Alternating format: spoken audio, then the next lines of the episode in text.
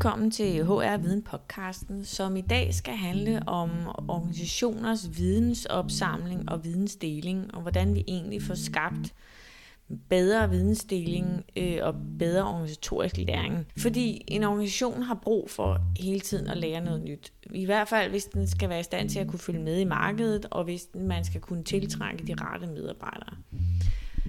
For at udvikle sig som virksomhed og som medarbejder, så skal der også overføres viden, når man nu har optaget den et eller andet sted fra. Den her viden, den skal i hvert fald deles til medarbejderne, og den skal deles mellem medarbejderne. Men hvordan sikrer man, at man får den rigtige viden, og at den her viden så finder vej til den rigtige medarbejder? Du lytter til podcasten HR Viden. Og øh, mit navn det er Bettina Prys. Jeg formidler gerne al min viden i håb om, at andre også kan bruge den til noget. Jeg er også altid drøn nysgerrig for at lære noget nyt. Og derfor inviterer jeg hele tiden nye gæster med ind i den her podcast, så vi forsøger at skabe så meget som muligt ny viden og nogle nye perspektiver på vores allesammens arbejdsliv. I dag der er jeg taget på besøg hos Stefan Klein. Han er salgsansvarlig i Norden for en virksomhed, som hedder Degreed. Øh, Degreed arbejder med at udvælge bedre kompetenceudviklingsmuligheder for virksomhederne. Og øh, ham vil jeg diskutere med, hvordan man egentlig får udviklet en organisatorisk læringskultur, og hvordan man så finder den rette viden til at bringe organisationen videre. Som sagt, det sidste, det er det, Degreed arbejder med. Det første, det er en integreret del af det, jeg arbejder med, når jeg er ude og udvikle virksomheder. Fordi virksomheder kan ikke blive bedre, hvis ikke de også indtænker, hvordan lærer vi egentlig af det, vi render og laver, og hvordan bringer vi den læring i spil på en hensigtsmæssig måde. Tilsammen håber jeg, at øh, Stefan og jeg kan gøre hinanden klogere, og jeg håber, at du også kan lære noget ved at lytte med. Velkommen til.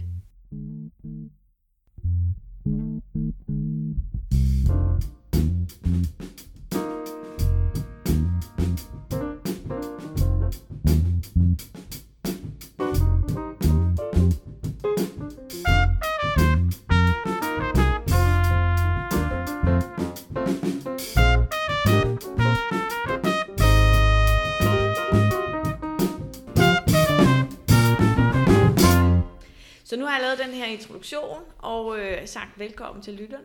Og velkommen til dig, Stefan. Tak. Hvorfor sidder vi her i dag og skal snakke øh, om læring i forhold til organisationer? Hvem er du? Jamen, lad mig starte med at fortælle, hvem jeg er. Og så kan vi tage den anden bagefter. Mit navn er Stefan Klein. Jeg arbejder for en amerikansk virksomhed, der hedder Degreed, mm. øh, hvor jeg snakker med, med primært større virksomheder i, i Norden, om hvordan, øh, hvordan de arbejder med, med læring og kompetencer af medarbejdere, øh, og hvad for en teknologi de bruger til at understøtte det, og hvilken strategi de har omkring det. Øh, jeg har været i, i, i kan man sige, cloud-branchen, software as a service-branchen i omkring en 13 år nu, primært inden for HR og learning-teknologier for forskellige virksomheder. Og øh, synes, det er enormt spændende, fordi det er en udvikling, der kører hele tiden, døgnet rundt. Øh, men det er også blevet vigtigere og vigtigere nu at have fokus på det. Øh, ikke kun som ansat, men også som arbejdsgiver eller, eller employer. Øh, er det meget altså vigtigt. kompetenceudvikling. Ja, ja. ja. Jeg tror, kravene bliver større og større, og det går hurtigere og hurtigere i dag. Og så er det selvfølgelig vigtigt, at man som virksomhed tager ansvar for udviklingen af sine medarbejdere, men også har et overblik over, hvilke løsninger, altså hvilke former for teknologi, man kan bruge til at understøtte, understøtte det i længden.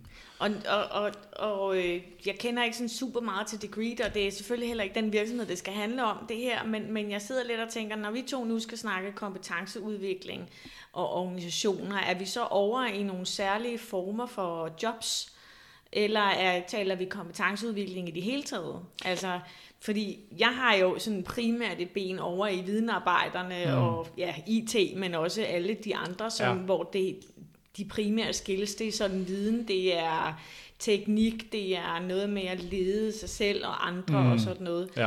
Kan, skal vi udelukke tømreren og håndværkeren, eller hvor er, hvor er du henne? Altså, jeg vil sige, vi, vi, vi går efter alle former for roller og jobs og så videre. Det vil sige, det er stort set alle former for kompetencer, men det er jo klart, at der er nogle øh, brancher eller nogle jobroller, som ikke er så relevante som andre. Øh, hvis man for eksempel står og bygger hele dagen lang, og man ikke har adgang til en iPhone eller en app eller en computer, så er det en anden form for læring, man skal have der, mm. end hvis det er en digital læring. Jeg læste en artikel her til morgen, øh, som var ret spændende, som snakker om manglen, manglen lige nu på digitale kompetencer, og hvordan det faktisk primært også er virksomhedens ansvar at handle på det. Og det er ret interessant, for der er et kæmpe kompetencegab i dag på, hvad folk kan, når de kommer ud på arbejdsmarkedet, både inden for det offentlige og det private, men også hvad, de, øh, hvad der er krævet af dem. Øh. Men, men, og det er jo egentlig ret interessant. Øh, jeg havde ikke lige forberedt mig selv Nej. på, at jeg ville stille det her spørgsmål, Nej. så lad os prøve at gå den retning alligevel, når, når det nu er der, vi starter. Øh, hvad er det egentlig for en form for organisatorisk læring, man, eller øh, hvilke kompetencer man skal oparbejde, afhængig af hvilke brancher man ja. er i? Ja. Fordi når, når du siger sådan, så sidder jeg jo også og tænker, det er jo i virkeligheden øh, lidt gammeldags ja. at sidde og sige, at det er jo IT-folkene, der skal have tekniske skills, Ej. fordi man kan jo heller ikke nærmest være tømmer i dag, uden at have nogle tekniske det kompetencer. Vel? Nej, nej, det var heller ikke for at sammenligne og sige, at den ene skal være bedre kompetencer end den anden. Jeg tror, alle har nogle visse kompetencer, de skal have lige meget, hvilket job de har. Ja. Øh, det jeg mente, det var, at manglen er blevet større inden for digitale kompetencer, ja. fordi der er så stor en udvikling på det marked i dag. Så jeg tror bare, det går hurtigere der, end det gør for eksempel på den anden side med en tømmer. Øh. Men, og, men, men det er både sådan i, i ja. bredden og i dybden ja, i og det er jo ikke? det, fordi det, teknikerne, de skal vide endnu mere digitalt, ja. mens dem, som måske ikke definerer sig selv som teknikere, de skal også have nogle tekniske ja, skills. Hjemmeplejen, mm. øh, socioarbejderen, mm. øh, ja, tømreren, øh, pædagogen, mm. de skal jo alle sammen nu også kunne rode rundt inde Enig. i den IT, vi to øh, har som noget Enig. af det primære arbejdsområde. Ja. Ikke? Enig, og det tror jeg også, det er også det, jeg sagde, det er derfor, jeg tror, at den her mangel på, på kompetencer, lad os bare sige igen, den digitale verden, øh, den er også stedet inden for det offentlige, ja. ikke kun det private. Øh, så der er større krav i dag, end der var førhen. Og der tror jeg, det er virksomhedsansvar at, at, at handle på det, og sørge for, at de, øh, de medarbejdere, der kommer ind, bliver håndteret på den rigtige måde, og de har den rette udvikling, men også at de har adgang til de rigtige øh, øh, løsninger og teknologi. Vi indskrænker altså vores samtale her til, at det primært handler om kompetenceudvikling og vidensopsamling i et teknologisk regi. Altså tekniske skills eller digitale kompetencer, som i høj grad læres via teknologi, men også de såkaldte soft skills, som mere og mere knytter sig til de krav, der stilles i dag til de videnarbejdere, der bliver flere og flere af. For at kunne bruge teknologien, der skal vi nemlig kunne andet og mere end den. Og virksomheden skal helt afgjort tage ansvaret for at klæde deres medarbejdere på med den rette viden og de rette skills. Det forudsætter jo, at organisationen, som du nu har pålagt ansvaret for den her kompetenceudvikling, er bevidst om og er i stand til at afdække tydeligt, hvad ja. er det egentlig, vi har brug for at vide. Og ja. det er jo den der sædvanlige, mm. det, det fuldstændig klassiske ja. paradoks, ikke? Hvordan kan jeg vide, hvad der er, jeg mangler at vide? Altså, Præcis. Ja, det er rigtigt nok. øhm, og det, det gælder nok. jo også, når man taler organisatorisk læring. Hvad er mm. hvordan kan vi vide, hvad det er for vidensmæssige huller, vi egentlig har? Jeg er helt enig, helt enig. Og det er også det, at jeg udfordrer lidt, og det skal jeg jo gøre, for det er mit job. Øh, her sker der det, at øh, Stefan og Klein og jeg fordyber os i en samtale, som bliver lige lovligt teknisk og IT-nørdet til den her podcast. Så jeg benytter muligheden til at øh, skrue lidt ned for vores samtale, og i stedet for at understrege, at det her med kompetenceudvikling, det er jo kun et enkelt element i den organisatoriske læring.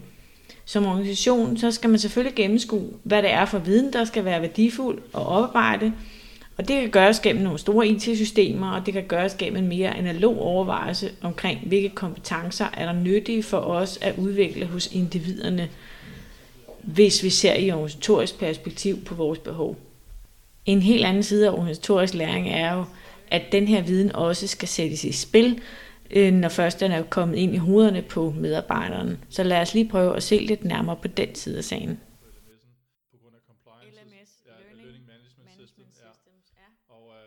stadig det, og det skal de blive ved med at gøre. Det er ikke det, vi tilbyder. Vi tilbyder en LXP Learning Experience platform, som ligger oven på LMS'en.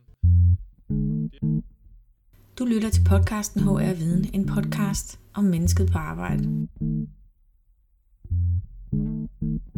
På den ene side så skal organisationen have et indblik i, eller få en eller anden form for indblik i, hvad er det egentlig, vi mangler for skills, øh, kompetencer, blev vi lige enige om, ja. at øh, vi nok ja. skulle oversætte det til. Og på den anden side, så sidder der nogle individer, som øh, måske i højere grad ved, hvad de, øh, hvilken viden de rent faktisk har, en organisationen gør.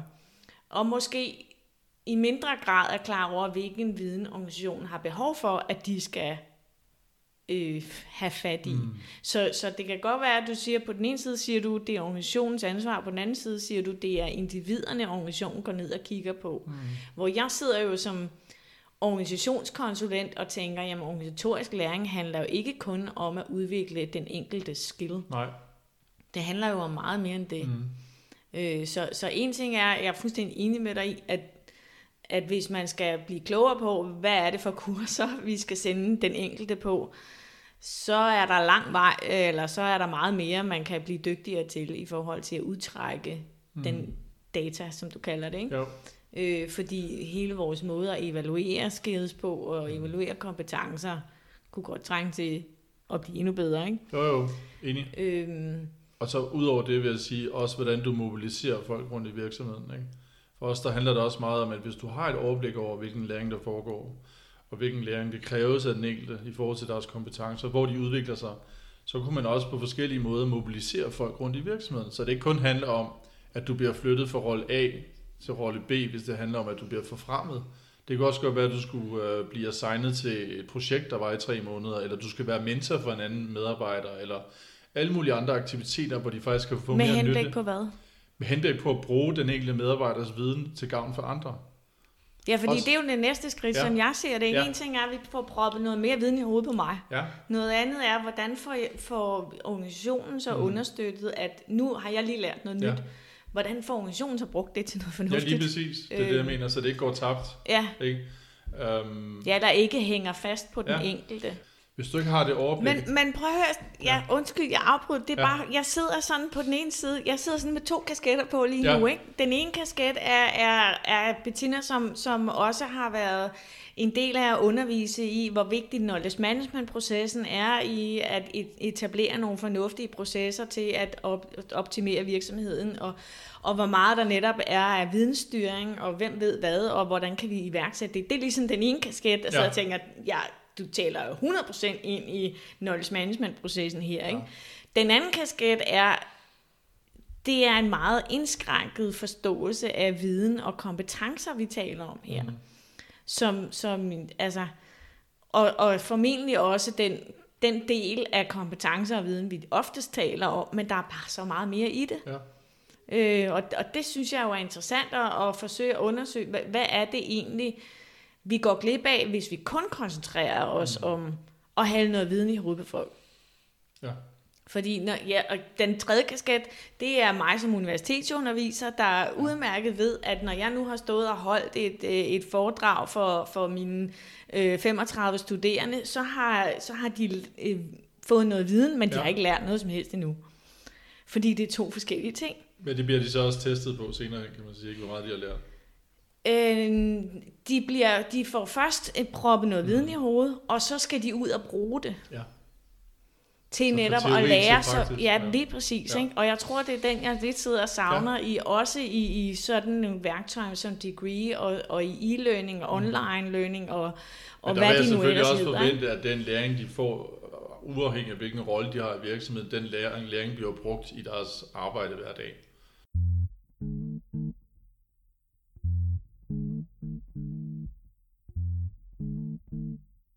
Viden og læring, det er to ret forskellige ting. Uanset om vi taler serviceringer og online learning, vi taler universitetsundervisning, eller den viden, man indoptager som en del af ens daglige praksis, så får vi formentlig alle sammen den samme viden serveret, men vi lærer noget forskelligt. Og det vi testes efter, og det vi bruger i virksomheden, det er formentlig igen noget helt andet, end det vi har læst i en bog, eller set i et online kursus. Og så er der hele tiden også spørgsmålet om, hvad er det egentlig, vi har brug for at vide, eller hvad er det for kompetencer, som er værdifulde for for eksempel en videnmedarbejder og for alle mulige andre medarbejdere i dag. Det kigger vi lige lidt nærmere på nu. Øh, men det er klart, altså, der, der er nogle kompetenceting, som er, kan man sige, besluttet af virksomheden allerede før en person går ind ad døren. Ja, Der er nogle ting, de skal kunne, ikke? Ja, Men så er også en masse andre kompetencer, du kunne være interessante. Altså selvom man sidder med IT og laver code, coding eller så videre, det kan godt være, at man gerne vil arbejde på sine presentation skills, eller nogle andre evner, fordi man godt en dag kunne tænke sig at rykke ind i en helt anden rolle. Hvad kræver det af kompetencer noget derover? Og det, ja eller fordi, at det måske er knap så tydeligt, at den kompetence er der faktisk også behov Ja. for. ja, Så, og det, jeg ved ikke, om det var et keyword til det, men, men nu hopper jeg lige hen Ja. til, øh, noget, da vi forberedte os til det her, Ja. der, der sendte du mig blandt andet en, en rapport, som I har lavet ja, øh, i Degree, øh, hvor I har undersøgt eller spurgt, var der omkring 5.000 Ja. øh, deltagere på, ja. på verdensplan, om hvad er det egentlig for, for skills, der efterlyses nu her i 2021, ja. ikke? Og noget af det, der, der er interessant, som der også har været tale om i et stykke tid, det, det er jo, at det er jo ikke kun technical skills, vi har brug for. Nej. Heller ikke i de tekniske jobs. Det er Nej. Nej. faktisk i meget høj grad soft skills, som mm. de er blevet kaldt i mange år, og som Ja. ikke nødvendigvis øh, har de super mest positive konnotationer. så jeg tænker, vi skal have fundet et nyt navn Ja. ja. for dem. Men, men sådan noget som kritisk tænkning, sådan noget som, som at have en, en evne til at, eller en kompetence til at kunne lave en, en hurtig analyse af, hvad er det egentlig, jeg står overfor. Og så hele det her med kommunikation. Ja. Øh, det, det er i hvert fald noget af det, jeg har set, træder meget tydeligt frem som en manglende skill i forhold til alle vores virtuelle møder, vi har Ja. været kastet ud i. Ikke? enig. Ja. Øh, alle de her hybride teams, som øh, det kan godt være, at de er super dygtige, kompetente teknisk, og, og vi har også fået styr på teknikken, sådan, Mm. ja, sådan cirka. Ikke? Ja, organisationen stiller den rigtige teknik til rådighed, eller teknologi til rådighed, så Ja. det kan lade sig gøre. ja, Vi kan slagge, og vi kan maile, og vi kan zoome og skype, og vi kan gøre alt det der, ikke? Men det er ikke ens betydende med, at vi er særlig gode til at kommunikere nej, og benytte teknologien. Nej. på den måde, vi har brug for. nej. Og den form for skills er jo næppe, eller er, er jo ikke nødvendigvis dem, der træder tydeligst frem, når organisationen sidder og tænker, hvad har vi brug for, at medarbejderne skal kunne? Han skal kunne det her nye programmeringssprog, han skal kunne Mm. mm. håndtere de og de teknologier. Men den der viden omkring, hvordan skal jeg kommunikere på en hensigtsmæssig måde, når jeg nu sidder med et, og, og samarbejder med nogen, der sidder i et andet land og på en anden tidskode og whatever, ikke? Mm. Den er altså svær at fange Ja. stadigvæk. Jeg er helt enig, og det refererer direkte tilbage til det, jeg nævnte ved den artikel, jeg læste tidligere dag, der hedder Mangel på digitale kompetencer. Det er jo også Ja. fordi, at billedet har ændret sig drastisk, men der er ingen tvivl om, at, at kravet øh, eller forventningen til digitale skills har ændret sig før og efter covid-19. Men, men jeg synes jo, det, altså, det er jo interessant netop, du kalder det digitale skills, fordi hvad, hvad indebærer det? Altså, skills, ja. ja. en Mm. ting er, jeg, jeg har, har brugt en del, øh, arbejdet en del med folkeskole, Ja. øh, lærere og pædagoger og administrativ personale på folkeskolerne her hen over øh, coronanedlukning, ikke? Mm. Og de skulle først og fremmest lige have de teknologiske skills, fordi det der med at mute og unmute Mm. mm. og øh, lige hæve kameraet, sådan så man rent faktisk øh, ikke sidder og kigger ind i næseborene. Alt, Ja, ja, altså sådan noget skulle der være styr på først, ikke? Men, men digitale skills, altså for mig handler det også om, hvordan får du skabt øjenkontakt, hvordan får du skabt tilliden, hvordan får du kommunikeret på en hensigtsmæssig måde. Og jeg ved ikke rigtigt, om jeg vil kalde det en digital skill Nej, eller hvad. Nej, Ja, hvad er det, de soft skills, de indeholder? Mm. Øh, fordi de har også forandret sig. ja. Enig. Nu, ikke? Jo, Øh, eller det kommer de til for mange Ja, af os, ja. fordi kravene til, det gælder også til lederne, ja. deres opgaver har forandret sig voldsomt, øh, Ja. fordi nu kan de ikke kommunikere med deres medarbejdere på samme måde, som de kunne før. Og hvordan får man indarbejdet det i lederudviklingskompetencen? Ikke? Jeg tror faktisk, det er en af de områder, hvor der kommer til at være størst forandring. Det er inden for leadership, Ja. øh, træning og development osv., det er klart. Ja. Øh, for det er jo også noget, der skal bruges til resten af virksomheden.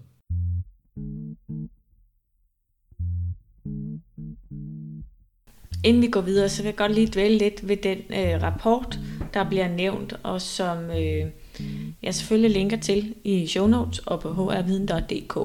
Det er en rapport, hvor øh, over 5.000 medarbejdere, øh, ledere og forretningsvirksomhedsledere øh, er blevet spurgt, hvilke fem skills betragter du som være de væsentligste ud af 25, øh, de kunne vælge mellem, for de medarbejdere, I har behov for på nuværende eller i år og fremover.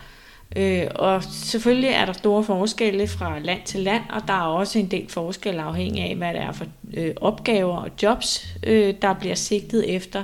Men det er rigtig tydeligt, at selvom det er IT-virksomheder, selvom det er IT-jobs, øh, selvom det er videnarbejdere, så ja, øh, avanceret IT og programmeringskompetencer øh, er vigtige, men det bliver vægtet meget højt, at man har project management skills, at man har kreativitet eller kompetencer til at udvikle kreative løsninger, og man kan tænke kritisk, og at man kan øh, øh, lede sig selv og lede andre. Altså det, vi i daglig tale nok i høj grad vil definere som såkaldte soft skills.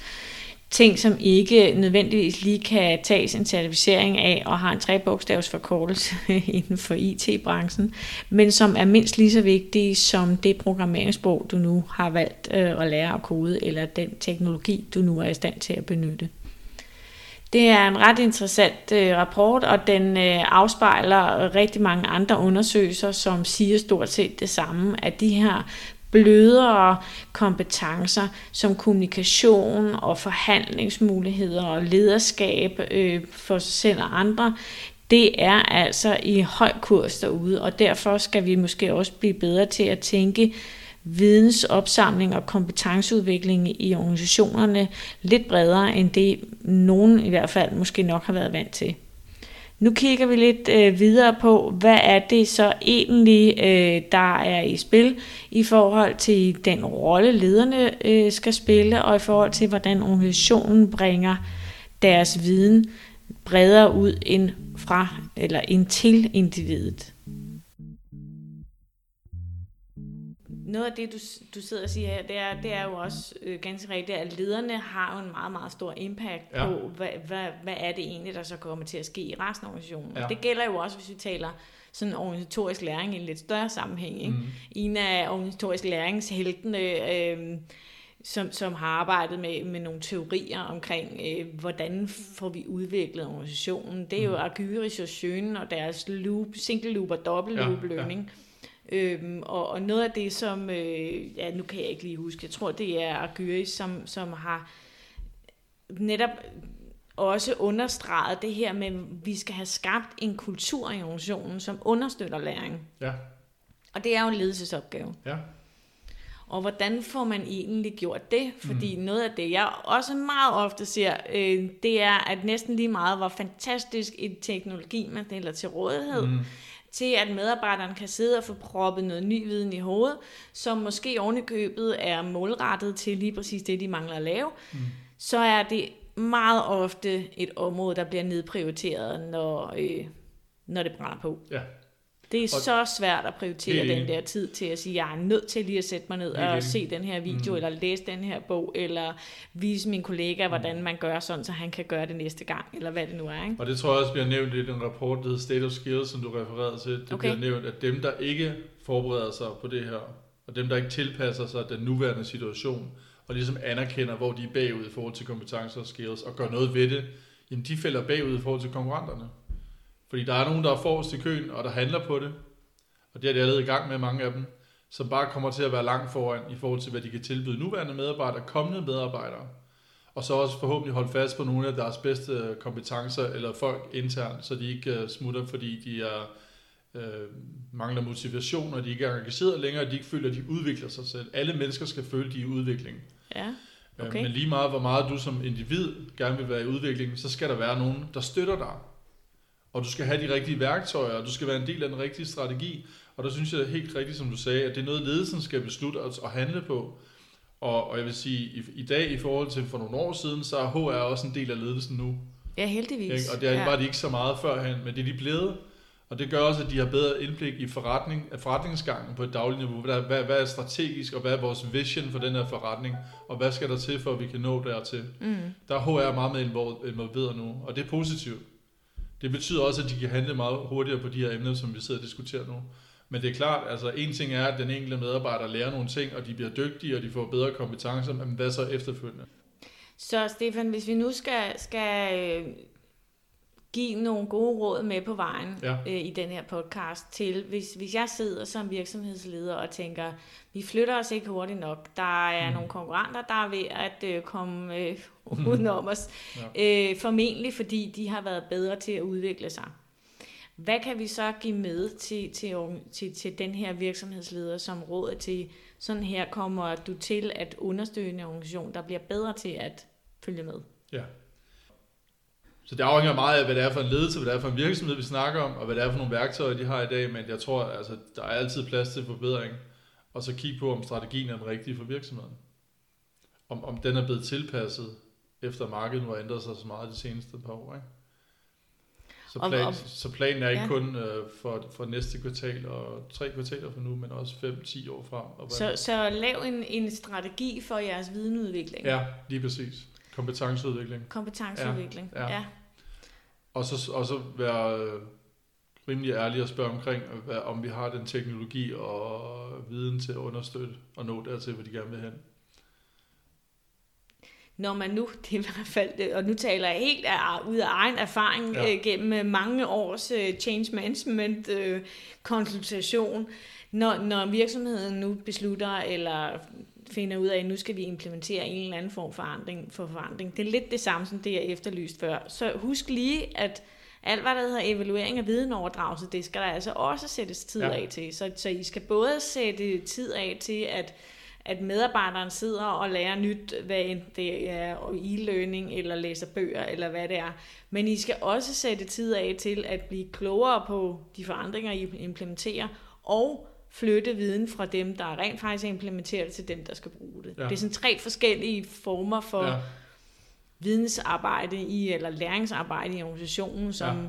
jeg i hvert fald øh, ser mange steder bliver nedprioriteret. Ja. Enig. Og en ting er jo det teknologiske miljø, Ja. for ja, det skal, værktøjerne skal selvfølgelig understøtte det her, ikke? Ja. men noget andet er jo øh, arbejdsmiljøet og, og kulturen ja. omkring, fordi Øh, og puha, det, det er jo en helt ny podcast nærmest, jeg det, vil gerne vil begynde på her, kan jeg godt mærke, men, men det jeg sidder lidt og tænker, det er den her med, hvordan får vi skabt en kultur, en læringskultur. Øh, noget af det, der er meget op i tiden i arbejdsmiljøforskningen øh, lige nu, det er det her med at sikre den psykologiske tryghed i teams, og det handler jo i høj grad om, hvis ikke jeg tør indrømme, at det her, det ved jeg ikke, så kommer organisationen faktisk heller ikke videre. Nej. Øh, fordi noget af den noget af de skills, vi kan, nogle af de skills, vi mangler, kan vi afdække som organisation, men ja. Der er altså også rigtig mange mangel, øh, mang, hvad hedder sådan noget, manglende viden, ja. som, som bliver skjult Ja, øh, i organisationen, hvis ikke man får skabt en organisationskultur, der gør, at man tør vise det. ja, ja lige præcis. Øh, og det handler jo meget om, hvordan reagerer vi, hvis man stiller et spørgsmål? Øh, hvordan, hvad, hvad, hvad sker der egentlig ved det? Hvordan får vi opsamlet den viden, der ligger i, at nogen faktisk siger, det ved jeg ikke. Mm. Hvordan, får, hvordan reagerer vi på det? Fordi for mig er det også organisatorisk læring. Enig. Øhm, så en ting er, at teknologien understøtter, at jeg kan sætte mig ned og lære noget nyt. Men tør jeg også sige til chefen, jeg har brug for, Mm. fordi det der ved jeg ikke, her kommer jeg altså til kort, tør jeg faktisk godt Ja, så er spørgsmålet, hvor sund en arbejdskultur det er, og hvor, hvor ja. Ærlig man er omkring, Ja. øh, kan man sige, hvor der er manglende øh, viden. Ikke? Og det tror jeg også, det er vigtigt, at de enkelte medarbejdere ser andre, der har succes, eller andre, der gør det godt, som anerkender måske nogle områder, hvor de mangler noget øh, støtte. Så det er en kombination af den enkelte medarbejders lyst og selv, selverkendelse, tror jeg, Ja, det det, hedder. oh ja, den er også... Ja, i forhold til, om, om ledelsen egentlig er klar over det, ikke? Mm. og hvordan de handler på det. Ja, og det er jo Ikke? så netop det, Ja. ikke? Fordi en ting er, at jeg godt går rundt og ved, at der er noget her, jeg mangler at Mm. vide, men, men øh, tør jeg sige det til chefen, og hvad siger chefen, hvis jeg rent faktisk kommer og siger Ja. det til ham, ikke? Øh, det, så, så der er mange trin, og der er Ja. mange barriere, der kan Mm. forhindre, at vi bliver en, en ja, at vi understøtter den her Ja. organisatoriske læring. Så det kan Mm. godt være, at vi har råd til at købe det store, lækre øh, dataopsamlings- Mm. og håndterings øh, kompetenceudviklings øh, software, men det er ikke ens betydende med, at man bliver en lærende organisation, hvis du spørger mig. Men hvis de så har valgt den, den rigtige partner, øh, i forhold til den teknologi og løsning, de har valgt, så vil de også hjælpe dem. Så vil de også hjælpe, så, så, banen. så vil de også hjælpe dem i gang på den rigtige måde, i Ja. hvordan de bruger den løsning, Ja. øh, og hvordan det går fra at være noget teknisk til at være noget, de kan bruge. Så hvis man nu er en lidt mindre virksomhed, som ikke har råd til at købe den der store forkromede mm. løsning, hvor, det, hvor skal de så starte som, som organisation, tænker du, hvis man gerne vil sige, vi vil godt blive klogere på, hvad er det egentlig for viden, vi har, og, hvad, hvad, og hvor vi vil gerne hen. Vi, vi skal have lagt en, en videns kompetenceudviklingsstrategi. Det kommer an på, hvad de har af ressourcer uh, in-house, altså mm. Mm. i virksomheden, og hvilken erfaring de mennesker har. Og hvis de ikke har det, så er der nogen, der vælger at hyre noget ekstern uh, konsulent uh, arbejde, der kommer og supporterer det. Så det afhænger helt af, hvad deres forventninger er, hvor de kommer fra, hvor de gerne vil hen, og hvad de har af viden, uh, kompetencer. In, Ja, det er klart. Ikke? Så det skal ligesom identificeres, og ud fra det, så kan man lave en plan, om man skal ud og hente noget mere hjælp end ej. Jeg tror umiddelbart, der er strategien vigtigere end noget andet. Så, så i virkeligheden skal man jo starte med at ja, lægge en strategi, Ja. og så lave sin, sin kompetenceafklaring på, Ja. på sådan, i forhold til at komme hen til Ja. at kunne opfylde strategien Ja. i første omgang. Ja. Ja. Ja. Så der er jo nok at gå i gang med. Der er masser. Det er jo en forandring hele tiden. Ja. så må man sige, det bliver ikke nemmere med tiden, Nej, og forventningerne bliver større. Og det er også derfor, jeg synes, emnet er så vigtigt. Fordi det går stærkere i dag, end det har gjort før. Ja, Øh, for- og hvis man ikke handler tror på det, ret så at- bliver hullet også større, end det har været før. Før Så- der kunne man slippe afsted med at, at trise sådan nogenlunde stille og roligt Ja. derudad. Ikke? Eller det var også en anden måde, det blev håndteret på, og man havde ikke adgang til de ting, man har i dag.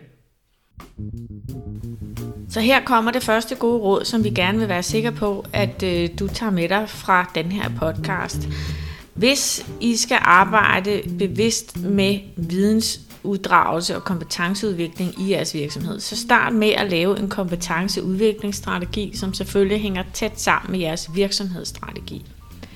Sørg for at indtænke både, hvordan øh, får vi erhvervet viden, hvad er det for en viden, vi skal have, og hvordan får vi så bragt den viden i spil, ikke kun hos det individ, der har pådraget sig den her viden, men også ud til den øh, resterende organisation, så vi får så meget værdi ud af den viden som overhovedet muligt.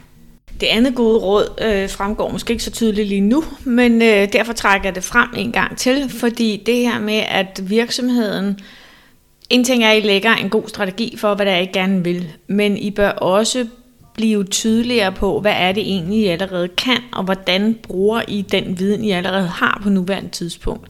Så indarbejde noget evaluering og noget viden, øh, udtalelse af den viden, I allerede har. Det lyder, okay, det var lidt kompliceret, men pointen er en assessment af, hvor står vi egentlig i dag, og hvad gør vi i dag, er et rigtig godt sted at starte, inden man lægger sin strategi.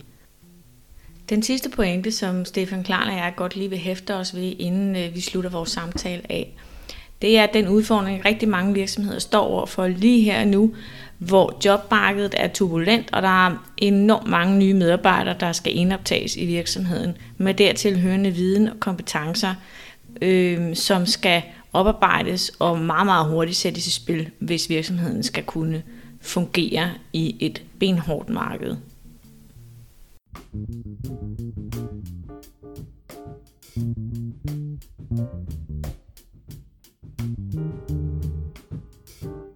Så man skal tilpasse sig, hvordan billedet ser ud 2021, Ja. på vej ud af covid-19 corona. Øh, Det er et andet billede, end det var før. Men der er masser, kan man sige, positive signaler på markedet i dag. Der er masser af virksomheder, som kommer rigtig godt ud af en svær periode for mange andre. Øh, Og så har der været den her kombination af privatliv, øh, work-life. Det har været en udfordring for mange, og det har det jo ikke kun i Danmark, det er jo alle lande. Altså alle mine kollegaer Og som, har og som vi også snakkede om lige herinde, jeg trykkede optag, ikke? Øh, nu er der rigtig heldigvis at, jobmarkedet øh, ved at komme Ja. ja. tilbage over på den anden side, ja. og, og mange af dem, som i, blev fyret under corona, mm. som så havnet inde i offentlige øh, podejobs og testerjobs og hvad pokker det ellers lavede, de skal nu tilbage på arbejdsmarkedet. Ja. Ja. Og, og det betyder også, at der vil være mange, ikke nødvendigvis store, men, men også mange små organisationer, der skal have indoptaget en masse nye medarbejdere, som Enig. skal have lært en hel Ja. masse meget, meget hurtigt. Ikke? Ja, lige præcis. Fordi Ja. ja. jeg tænker også konkurrencesituationen, og nu er vi helt også over at kigge på restauranter og hoteller mm. osv., den er jo for vild lige nu, Ja, ikke? jo. Øh, det er jo, altså nogen kommer til at knække halsen, og, og andre kommer til Ja, at ja, ja. komme meget styrket ud. Ja. Blandt andet forårsaget af, hvor hurtigt man er til at sikre den der organisatoriske ja, læring ja. og oplæring af de nye og indoptagelse af nye Lige præcis. Altså, hvordan, hvordan, jeg synes, det er rigtig vigtigt at tænke på de forskellige scenarier. Hvordan, hvordan onboarder du en nyansat ja. og får dem i gang? Og hvordan udvikler du dem i forhold til deres skills og kompetencer fra den dag og fremadrettet? Og hvordan ser det ud i det billede? Versus dem, der allerede er i virksomheden og har været der nogle år måske. Hvor skal de op og reskilles henne? Ja. Hvor trænger de til en forbedring? Er de tilpasset deres job? Er der kommet nye krav? Uh, altså, hvad er deres, kan man sige, hvad er deres uh, enkelte karriereplan, og hvad kræver det at nå derhen og så videre. Alle de her ting, der, der er forskel på, om du kommer ind og er helt ny i virksomheden, afhængig af hvilken baggrund ja. du har, til hvis du har været i virksomheden i 5-10 år for eksempel. Ikke? Så det er jo to, ja, og, og det, det er jo to sådan meget vidt forskellige steder, i, som men, men begge er ret vigtige forhold til det. Ja. skal have ja. sin strategi ja. for, at virksomheden den rent faktisk ja. kan overleve og blive endnu bedre til at lære. Ja, og være konkurrencedygtig. Ja. ja. Så øh, kom i gang med at, at sætte jer ned og definere en strategi for, hvordan får vi ja. proppe viden i hovedet på vores medarbejdere, ja. hvordan, hvad er det for viden, vi skal have, og hvordan får vi dem til at rent faktisk bruge den viden aktivt. Ja. Sådan, og måske så, undersøge, hvordan andre virksomheder, der har haft succes med at gøre det, hvad har de gjort? Ja, ikke? det kan jo være en måde øh, ja. at imødekomme strategi. Ja, lige præcis. Ja. Ja, ja. Der er masser af læring også at gå ud og kigge på, hvad andre virksomheder har gjort, som måske har været en lignende situation, eller haft et lignende setup, eller kommer fra en lignende branche. Mm. Øh, der er altid interessant at se, hvordan andre har, har handlet. Ikke? Øh, og nu kan man sige, at alle er jo ligesom sat i en situation, lige meget hvilken branche du er i, med, med, med vores lockdown, eller covid-19, eller corona, eller hvad du vil kalde det, at der er alle ligesom været tvunget til, uanset om de har lyst til at lege, at tilpasse sig. Nogle og nogle har bare været virkelig dygtige Nogle har været til rigtig det, effektive og dygtige, men det er også fordi, de har handlet tidligt på det. Dem, der ikke rigtig har handlet på det, men stadig går og venter, de falder stadig bagud for hver dag, der går. Men det har formentlig også noget at gøre med, hvor kreative og dygtige de har været Enig. til at tage den viden, de har, Enig. og skabe noget nyt. Ikke? Og det går tilbage til ledelsen, og det går tilbage til HR-teamet, og det går tilbage til dem, der sidder med learning and development, og ja.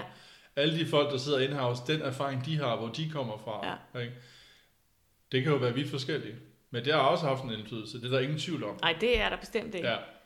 Så hvor proaktive har de været, ikke? Øh, og, ja, og hvor dygtige har de været til ja. at sætte deres læring i ja. spil i den helt nye kontekst. Ja, ikke? jo, enig. Stefan, jeg, kan godt se, at vi når overhovedet ikke øh, i mål med, med at afdække det her Nej. emne omkring, hvad skal der egentlig til for, at man, man bliver en lærende organisation. Men nu har vi det i hvert fald øh, snuset til noget ja. af det, og ja. det har været en fornøjelse. Jamen tak for det, det har øh, været super spændende. Selv tak. Ja, og jeg håber, vi øh, kommer til at tale sammen snart igen. Det er jeg ikke i tvivl om. Jeg sørger i hvert fald for under omstændigheder at linke til, øh, til dig ja. og til mig og til show notes, lægger artikler. Du, ja. du nævnte et par artikler, vi ja. har snakket om lidt forskelligt. Det er at finde på hrviden.dk øh, samtidig med den her podcast, den bliver releaset. Det lyder godt. Tak for samtalen. Jamen tak for i dag.